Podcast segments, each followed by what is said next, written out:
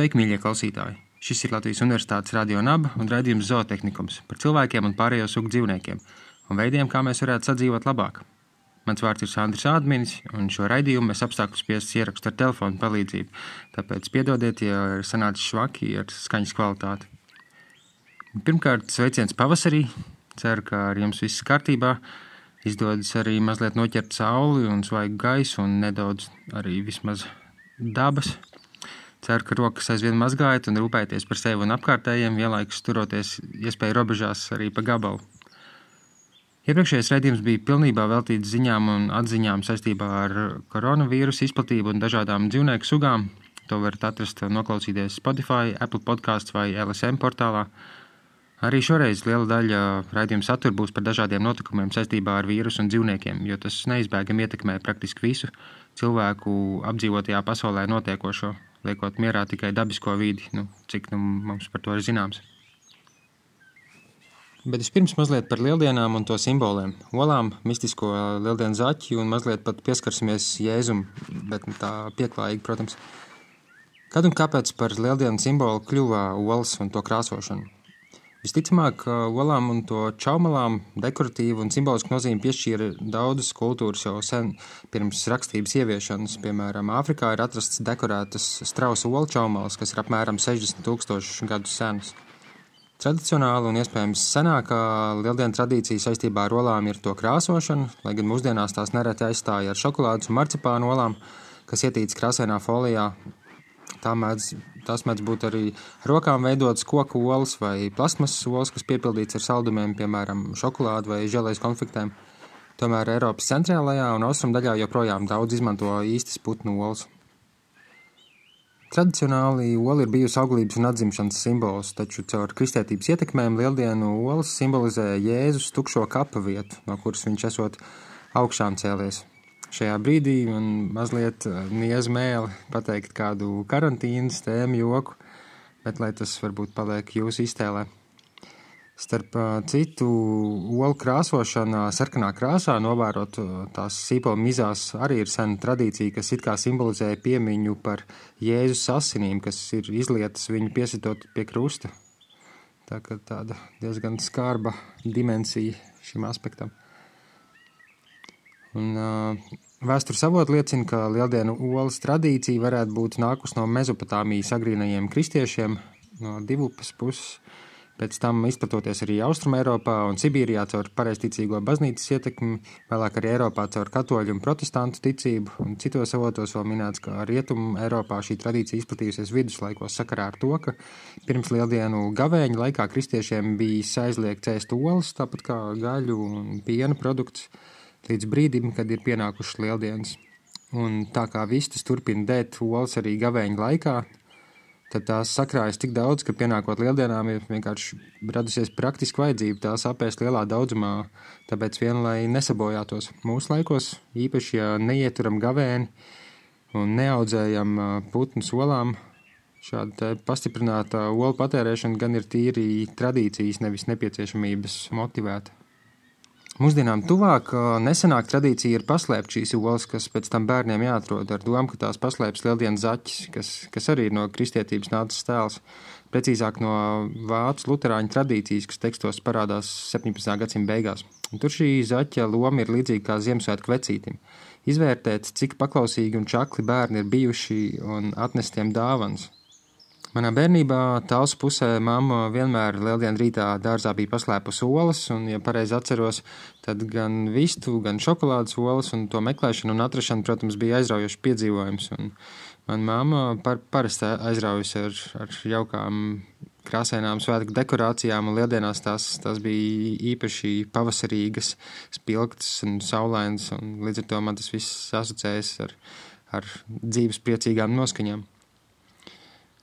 Vēl izplatītas lietas ir tādas latviskās mājiņticības, piemēram, ka lieldienās jāēd obligāti olas ar sāli, lai nemelotu, vai arī daudz jāšūpojas, lai vasarā nekož knišļi, odi, un lai visu gadu nenāk miegs, bet pēc svētkiem lieldienu šūpoles esot jāizjauc, lai tajās raganas nenāk šūpoties un maiputniem labāk padodas perēšana.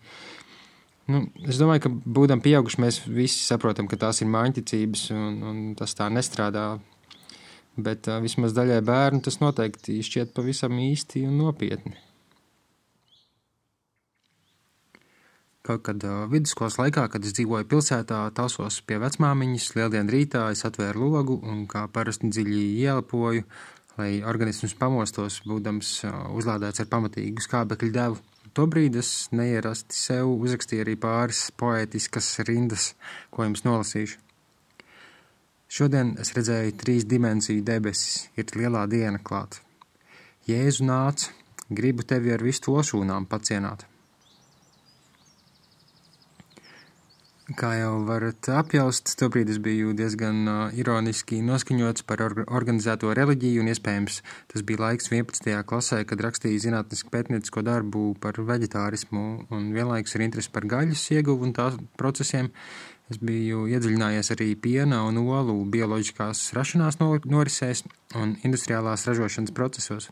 Pāris gadus vēlāk, 2008. gadā, pavasarī es nolēmu, ka olas vairs nelietošu uzturā. Cilvēki reizēm ir nesaprašanā par to, ka vegāni nēd olas, it īpaši lieldienās, ar domu, ka vegāni nevar saglabāt savus ētiskos apsvērumus vienlaikus ar ēdienu, godinot lieldienu tradīcijas kopā ar ģimeni, it kā tās būtu savstarpēji nesavienojamas lietas. Bet, kā norāda Kolīna Patrika Gudro, kas ir vairāk grāmatu autore, ilgadēja lektore, podkāstu veidotāja par vegānismu dažādiem aspektiem, viņa saka, ka tas, ka mēs primāri liekam uzsvaru tradicionālo svētku ēdiena formai, kā piemēram tītara cepets ASV plaši atzīmētajā pateicības dienā vai olas lieldienās, Tas rada risku, ka pazaudējam patieso nozīmi tam, ko mēs atzīmējam vai godinām. Taču, ja mēs pievēršam uzmanību šo simbolu nozīmei, var secināt, ka augu valsts uzturs vēl labāk atspoguļo un iemieso šīs nozīmes. Kas tad tās ir par nozīmēm?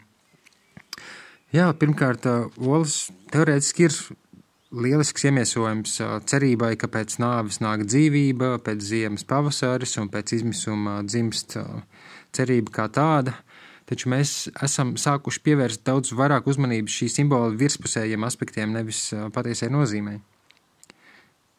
Vistām, kuru reproduktīvās funkcijas mūsdienās tiek industriālos apmēros izmantotas šim simbolam, olu ražošanai, viņām jau patiesībā īsti nav nekādas cerības. Mēs esam romantizējuši olas tēlu, lai gan patiesībā tas mūsdienās iemieso pretējo putnu ciešanas lielfērmu sablīvētajos apstākļos un uh, Olas iemieso šo putnu nesaudzīgu eksploatāciju un gala galā arī masveidīgu nokaušanu. Pēc jaunākiem statistikas datiem, ko es atradu Latvijā 2016. gadā, viens iedzīvotājs gadā apēda vidēji 207 olas, un šis skaits pēdējo gadu laikā ir audzis. Lai uzturētu šādu patēriņu, olu industrija Latvijā nemitīgi tur fermās apmēram 3 miljonus dēšanai paredzēto vistu, kas kopš pagājušā gadsimta 20 gadiem ir pieaudzis par vienu miljonu. Un, kas ir interesanti, vistu dējība esot trīskāršojusies. 1920. gados katra vista gadā izdējusi vidēji 102 olas, taču mūsdienās jau 299. Cik es sapratu, saprotu, tas ir gan pateicoties uzlabotai barībai, gan pat varbūt vēl vairāk tam, ka šīs vistas ir ģenētiski atlasītas, selekcionētas šķirnes, tādas, lai viņu ķermeņi pēc iespējas agrākā vecumā radītu pēc iespējas vairāk olas.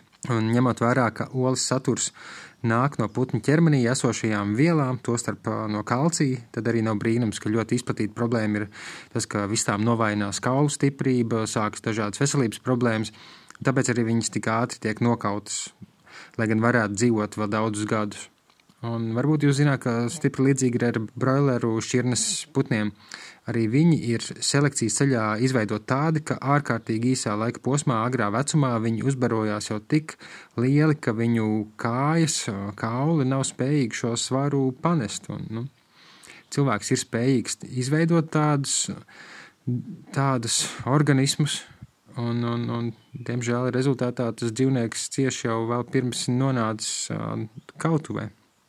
Un es domāju, ka, ka līdzīgi noticis ar tās augtajām dējēju vistām, kuras ir izveidotas tādas, ka viņas dēja nesalīdzināmi daudz vairāk olas nekā jebkurš putns savvaļā, tā skaitā pieradināto, domesticēto vistu priekšteči, kas, ja nemaldos, izdēja tikai tik olas, cik ir gatavi perēt.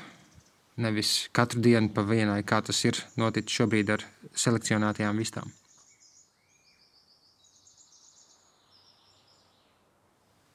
Kāds varētu jautāt pēc iepriekš stāstītā, kā tad ar laimīgo vistu olām? Bet, manuprāt, tādi apzīmējumi kā brīvos apstākļos turētās vistas vai, piemēram, laimīgo vistu olas vai bioloģiski ražotas un uz iepakojumiem liktie ideāliskie zaļo ganību attēli, kur spīd saule fonā vienmēr un tā tālāk.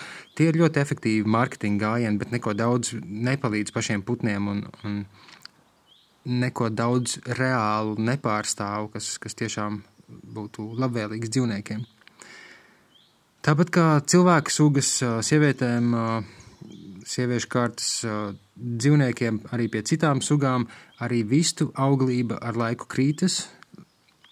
Līdz brīdim, kad arī viņas pārstāja radīt olas, būtībā reproduktīvais cikls apsīkst, bet pirms tas jau ir noticis, un vistu dējība ir kritusies, viņas vairs jau nav vērtīgas olu ražošanas industrijas skatījumā, vairs neatmaksājas, ja, ja viņas dēja mazāk nekā vidēji. Un tāpēc šīs vistas tiek pārdotas gaļas industrijai, nokautas un pārstrādātas zemākās kategorijas gaļas produktos. Ja dabiskais vistas mūža ilgums var būt desmit gadi, tad fermās audzētās vistas nosūta uz kautuvi jau pat pusotra gada vecumā. Daudz cilvēku, arī tie, kas ir veģetārieši, nemaz nezina, ka tā notiek. Cilvēki meklē olas no vistām, kas nav turētas prostos, kas it kā audzētas humāni, tomēr daudzas no viņām tik un tā tiek turētas ciešā saspiestībā angāriem līdzīgajās novietnēs, daļai tiek nogriezti jūtīgo knābju gali, stresa izraisītās agresijas un kanibālismu mazināšanai, jo, nu, varbūt nav brīnums, ka sāk notikt tādas lietas, ja dzīvniekus tur cieš, ciešā kontaktā, sablīvētībā, bez iespējas pa, izstaigāties, pabūt atstatus no pārējiem. Un arī visas šīs vistas nāk no olu inkubātoru uzņēmumiem, kas masveidā veids tikko izšķīlušos gailēnu nonāvēšanu. Jo gaļi jau olas nedēļa. Viņus nav ekonomiski izdevīgi audzēt arī gaļai, jo neaugs tik ātri un tik liela kā gaļas šķirņu broileri jeb tie lielie baltie cāļi, kas ir redzēti bildēs droši vien daudz un video. Divas visvairāk izmantotās gailēnu nonāvēšanas metodes, kas ir legālas un standarta praksē industrijā, ir samalšana, mehāniska samalšana un nosmacēšana maisos ar CO2 vai CO gāzi. Un par to tikai pēdējos gados Eiropas Savienības parlamenta līmenī sāk runāt, ka šādu barbarisku, bet izplatītu praksi vajadzētu mainīt taču dzīvu gailēnu samalšana, nosmacēšana maisos joprojām turpinās kā galvenā metode. Un pieņemot, ka pusi no cēlēniem, kas izšķiļas, ir vistiņas un pusi gailēni, līdzīgi kā arī cilvēkiem un visdažādākiem citām sugām, varētu minēt, ka uz katru no 3 miljoniem fermās turēto dējēju vistu ir arī nogalināti apmēram 3 miljoni gailēnu kopā. Un tikai tāpēc, lai būtu ekonomiski izdevīgāk ražot olas, ja katra vista, ja viņiem ļauj nodzīvot tikai pusotru gadu, varbūt divus, tas nozīmē, ka, kad šis laiks ir pagājis, tiek atkal uzsākts inkubācijas process, un nu, būtībā tad varētu teikt, ka katru gadu apmēram pusotras miljonus gailēnu tiek samalti, nosmacēti Latvijas uh, nodrošināšanai vien. Un, vai jūs zināt, kas ir macerācija? Tas ir tāds industriāli tehnisks apzīmējums gailēnu mehāniskai samalšanai. Saskaņā ar Eiropas komisijas regulu numuru 1099, ko varat atrast internetā, tur ir tāda tabuliņa par dažādiem uh, atļautajiem dzīvnieku nogalināšanas veidiem, uh, mehāniski, elektriski un tā tālāk. Macerācija ir visa dzīvnieka tūlītēja sasmalcināšana izmantošana pieļauta līdz 72 stundām veciem cāļiem olu ražošanas industrijā. Un, un uz šiem dzīvniekiem neatiecās absolūti nekāda dzīvnieka aizsardzības noteikuma. Viņ, viņus var vienkārši sablenderēt putriņā būtībā. Ja esat pietiekami drosmīgi, lai redzētu, kā tas notiek, varat iegūt chick grinding, vai chick shredding, vai chick culling. Arī Riga Animal Save Facebook lapā tikko bija video par šiem procesiem. Man liekas, ka mums, mums ir jāzina par šīm lietām, kas, kas notiek un kā tas notiek, it īpaši, kamēr tas ir tik ārkārtīgi izplatīti.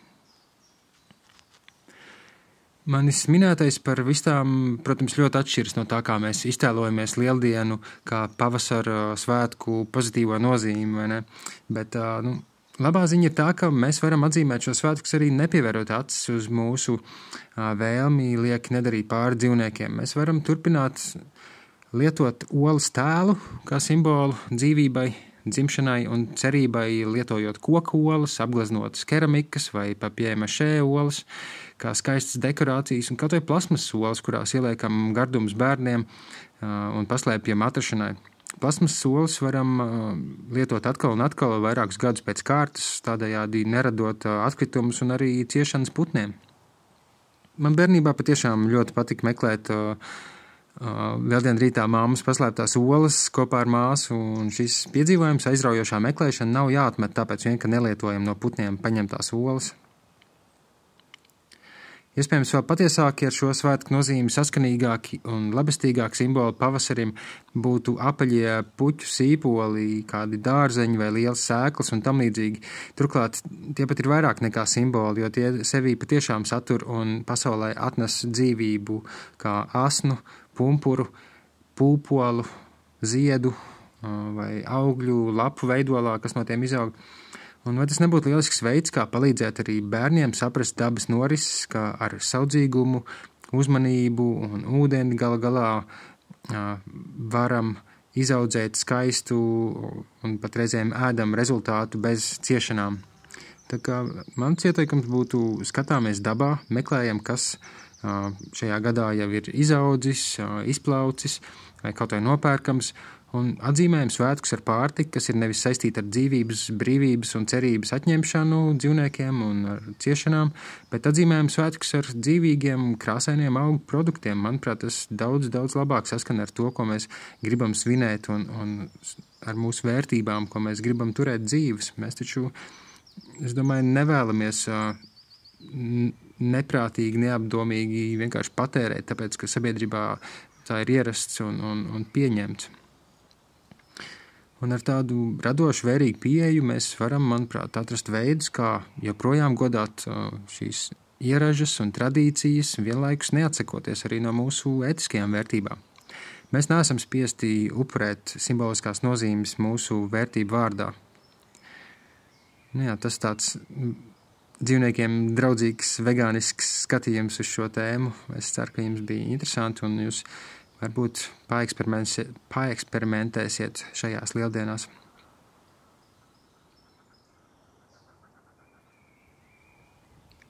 Jūs klausāties Latvijas Rādio 6, Latvijas Universitātes Radio Naba, un šis ir zootehnikums. Šobrīd piedāvāju jums pāris zooziņas no pasaules, lielā mērā saistībā ar pašreizējo koronavīrus pandēmiju un dažādām dzīvnieku sugām. Līdz ar to arī ziņas ir no dažādām pasaules malām. Pirmā no tām ir no Ķīnas. Un, uh, ziņa ir tāda, ka, lai ierobežotu Covid-19 izplatību, februārī tika aizliegta savvaļas dzīvnieku tirzniecību un ēšana, taču valsts dienvidos esošās Šenģeņas pilsētas vadība nolēmusi iet vēl soli tālāk, aizliedzot arī suņu un kaķu ēšanu. Un, un tā ir pirmā pilsēta Ķīnā, kas ir šādu soli spērusi. Līdz ar to samērā uh, ievērojama ziņa varētu domāt, ka tā ir tikai viena pilsēta, bet nu, es papētīju, tur dzīvo apmēram 12 miljoni iedzīvotāji. Tas ir diezgan daudz. Un šis aizliegums stāšoties spēkā no 1. māja. Pilsētas vadība šo lēmumu ir skaidrojusi ar vēlmi vairāk līdzināties attīstītākām zemēm, kur suņu un kaķu ciešā saikne ar cilvēkiem ir tos pasargājusi no nokaušanas un apēšanas, kā arī pietuvoties rietumnieciskākiem kaimiņiem, kā Hongkonga un Taivāna. Saskaņā ar organizācijas Humane Society International datiem, ik gadu Ķīnā gaļai nogalina ap 10 miljonus suņu un 4 miljonus kaķu. Un, lai gan šis skaits tomēr ir salīdzinoši mazs uz citu gaļai nogalināto dzīvnieku skaita fona. Cerēsim, ka šī tendence izplatīsies arī citās pilsētās un valstīs, kur pamazām vairs nebūs atļauts ēst suņus un kaķus, un, un cerams arī, ka tas sāks nākt par labu arī citu sugu dzīvniekiem.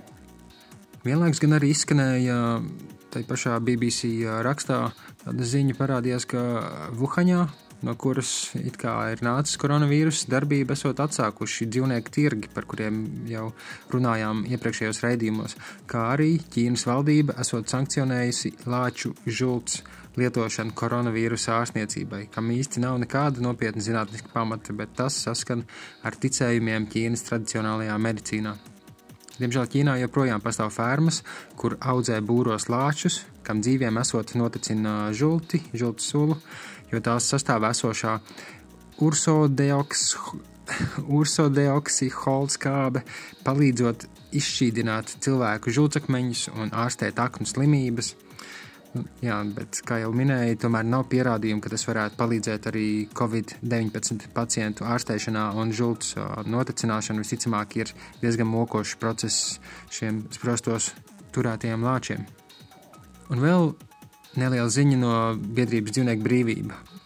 Facebookā viņi bija rakstījuši, ka šonadēļ, jeb marta beigās, ar nesekmīgu mēģinājumu esot noritējusi starptautiskā kažokāda izsola.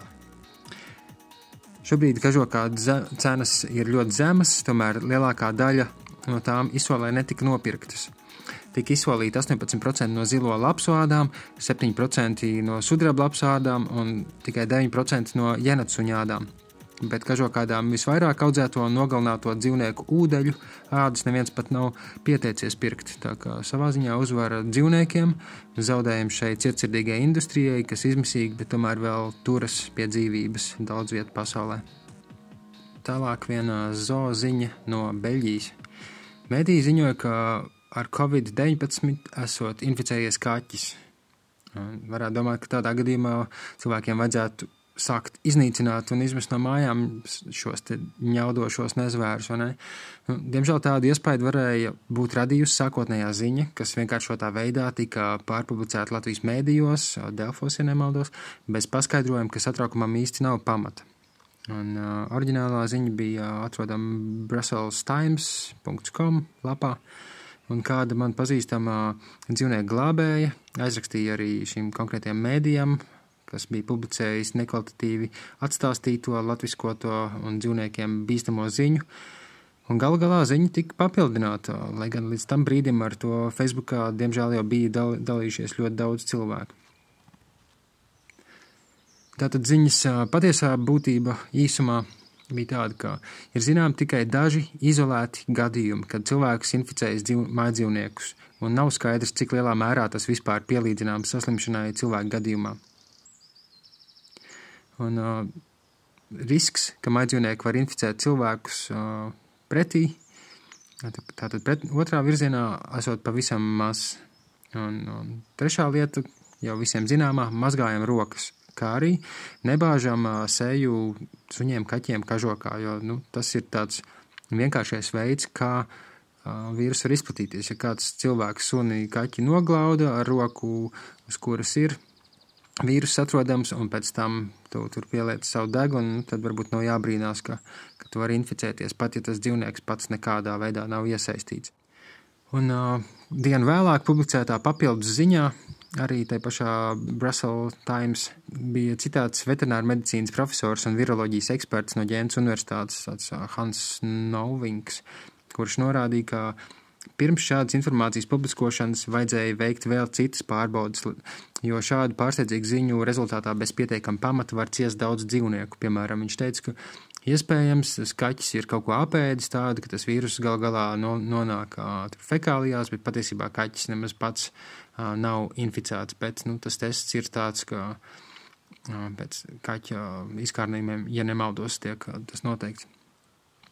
Un uh, vēl viena zooziņa no žurnāla Science. kas raksta, ka pandēmijas rezultātā tūkstošiem peļu, ko audzē laboratorijās, tiek nogalināts, jo trūkst darbinieku un resursu šo dzīvnieku aprūpēji, teiksim, barošanai, būru tīrīšanai, ārstēšanai un tā tālāk. Un dzīvnieku nogalināšana tiek uztverta kā tāds, nu, diemžēl, ērtākais spiedīgās situācijas risinājums, jo gal galā papīros viņi skaitās tikai inventārs. Turklāt tāds, ko var salīdzinoši viegli at atjaunot. Kā ar citiem dzīvniekiem, nu, šobrīd nav liecība, ka lielāki dzīvnieki, teiksim, kaķi, mērkaķi vai suņi vai citi, tiktu proaktīvi eitanazēti, jo pēles vairojas daudz ātrāk, un tāpēc viņas arī esot jāizlieto ātrāk, kā bija teikts rakstā.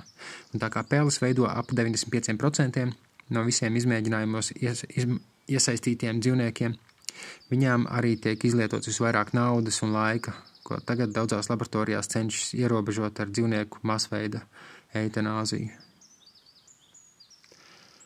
Vēl viena zooziņa ir no Spānijas. Spāņi protestē pret vēršu cīņu industrijas glābšanu.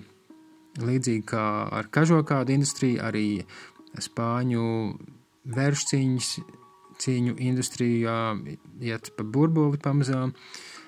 Un, jā, lai gan pēdējos gados tas notiek aizvien mazāk, šī industrija tomēr joprojām ir dzīva.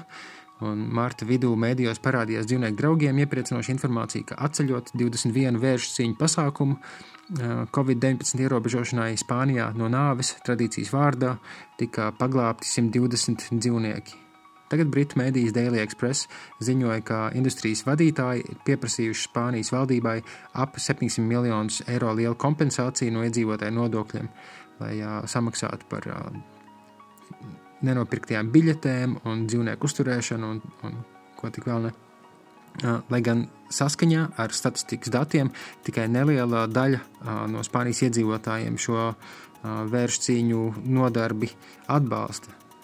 Un tā kā publiskas demonstrācijas valstī šobrīd nav atļauts, tad dzīvniektiesība aktīvisti ir uzsākuši virtuālu protestu sociālajos tīklos, tos pārpludinot ar, ar kritiskiem nosodāšiem viedokļiem un publicējot fotoattēlus, kur cilvēki tur rokās lapas ar tekstu, kas aicina atbalstīt mediķus, nevis uh, vēršu cīņas. Un rezultātā hashtags jeb mirkļbirka ajudas tauramakijā no, jeb nekādu palīdzību vēršu cīņām, Twitterī kādu brīdi kļuva par valstī populārāko hashtagu Un uh, organizācijas Animal Guardians pārstāvē Marta Estebana ir norādījusi, ka bizness, kas izklaides vārdā nodarbojas ar dzīvnieku mocīšanu, nedrīkstētu būt sabiedrības finansēts. Ir īpaši tagad, kad pirmajā vietā jābūt veselības aprūpas sistēmai un palīdzībai tiem, kam klājas visgrūtāk.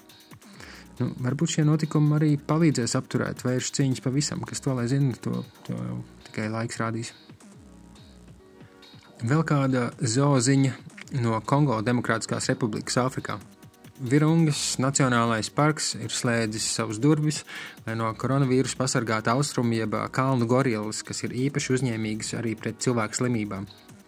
Nacionālā parka pārstāvji savā ziņojumā citējuši Pasaules veselības organizācijas vadlīnijas, lai minimalizētu pārvietošanos un socializāciju, kā arī piemin zinātnieku brīdinājumus, ka gorilas var būt īpaši uzņēmīgas pret jauno koronavīrusu. Virungas Nacionālais parks ir īpaši ņēmis vērā zinātnes ekspertu atziņas par to, ka primāti, tīpaši kalnu gorilas, var ciest no Covid-19. Un, kā komentēja parka pārstāvji, tāpēc mēs centīsimies nosargāt šīs apdraudētās dzīvnieku sugas. Bet tas nav vienīgais nacionālais parks tajā reģionā, kas pieņēmis līdzīgus drošības mērus, kā raksta Associated Press izdevums. Arī trīs citi kaimiņos esoši nacionālajie parki ir ierobežojuši turisma un pētniecības iespējas, lai pasargātu tur mītošās gorilas. Un, tālāk tekstā arī bija teikts, ka infekcijas slimībām, kas no primātiem nonākušas līdz cilvēkiem, un otrādi ir sena vēsture. Pazīstamākais tāds vīrus ir HIV, Tiek uzskatīts, ka HIV vīruss cēlies no šimpanžu imūndeficīta vīrusa un palielinoties kontaktam starp cilvēkiem un primātiem, zinātnieki arvien vairāk uztraucas par jaunu potenciālu vīrusu un slimību rašanos, kas šajā gadījumā var iznīcināt jau tā apdraudēto kalnu gorilu sugu. Un noslēgumā pozitīvāka zooziņa no Vēl Velsas.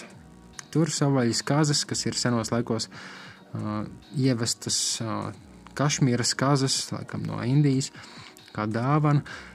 Tāds neliels ganāmpulks pamazām bezmaz pārņem kontroli par cilvēku pamestajām ielām. Landūno pilsētā un apgrauž dzīvžogus, mauriņus, puķu dobes tādas samizānas fotografijas un video ar garšpalvainajām kazām ar tādiem palieliem ragiem, kas pastaigājas pa ielām, kāpelē pa nožogojumiem un grauž visu, kas garšīgs, varat apskatīt zootehniku sociālo tīklu kanālos. Un, manuprāt, līdzīgas ziņas vēl turpinās parādīties par to, ka dzīvnieki atgriežas vietās, kur cilvēki ir, ir pametuši, atbrīvojuši. Tālūk, tas šoreiz redzījumā viss. Zootehnikuma ierakstus meklējiet Latvijas sabiedrisko mēdīju portālā lsm.lv, bet jaunākie, jaunākie ieraksti ir pieejami arī Spotify un Apple podkāstu arhīvos. Nākamā sestdienas pusdienlaikā radio naba klausieties raidījumu nezāli par cilvēku vidē un vidi cilvēkā, bet zootehnikuma jaunumiem varat sekot sociālajos tīklos. Un vēl sirsnīgs paldies tiem vairāk nekā 20 cilvēkiem, kas finansiāli atbalsta manu darbu un šī raidījuma tapšanu. Zootehnikums jau kopš 2016. gada ir brīvprātīgi veidots projekts bez atalgojuma, bet ar ciešu pārliecību, ka, ka tāds ir vajadzīgs. Un, ja tu vēlies pievienoties cilvēkiem, kas ar nelielu ziedojumu atbalsta šī raidījuma tapšanu, meklē patreon.com lapā manu vārdu, Sandris Ādminis, vai vienkārši iegūlē divus vārdus kopā - Sandris, Zootehnikums un Patreon. Paldies, ka klausījāties. Un, jā, vēl ko es gribēju piebilst, nemociet sevi šajā laikā ar pārāk daudz ar nopietnām lietām. Mēs ar to šobrīd, manuprāt, stipri pārspīlējam ar nu, es arī ik pa laikam sev pieķeru pie domas, ka hei, man ir jābūt produktīvākam, efektīvākam, un es nedaru pietiekami daudz, bet manuprāt, šobrīd vajag vairāk atļauties vienkārši nosnausties, padarīt kaut ko šķietam nepraktisku un nenopietnu, jo, jo tas ļoti palīdz saglabāt enerģiju, lai mēs tik galā ar to, kas ir patiešām svarīgi. Jo šobrīd mēs ir tik grūti prognozēt, kam, kam vajadzēs cik daudz enerģiju un, un tīpaši tādā mentālā nozīmē. Tā kā saudzējiet sevi, saudzējiet viens otru un, un neaizmirsiet arī par pārējiem, pat ja viņus redzam šobrīd vēl mazāk nekā parasti. Tālūk. Paldies, ka klausījāties un līdz nākamajai reizei.